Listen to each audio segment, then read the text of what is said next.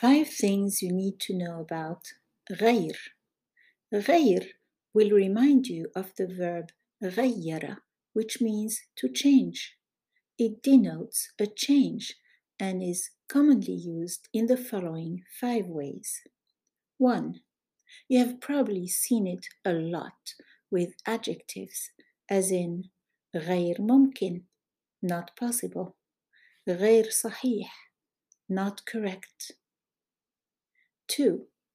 With an adjective after a negated verb, as in لم يكتب غير رسالة واحدة.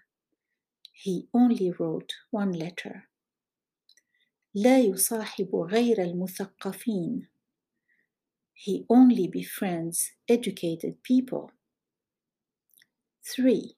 With a pronoun suffix referring to a previous understood noun, as in لم أرى غيرها في الغرفة.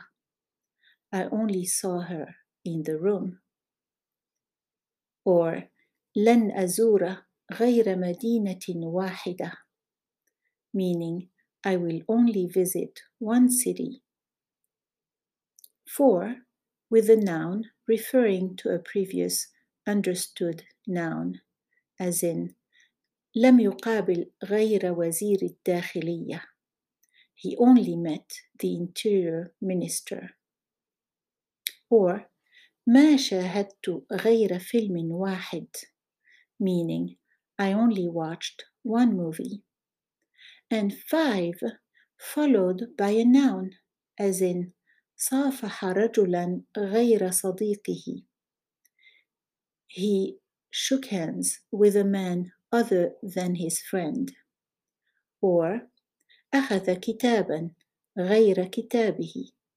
He took a book other than his.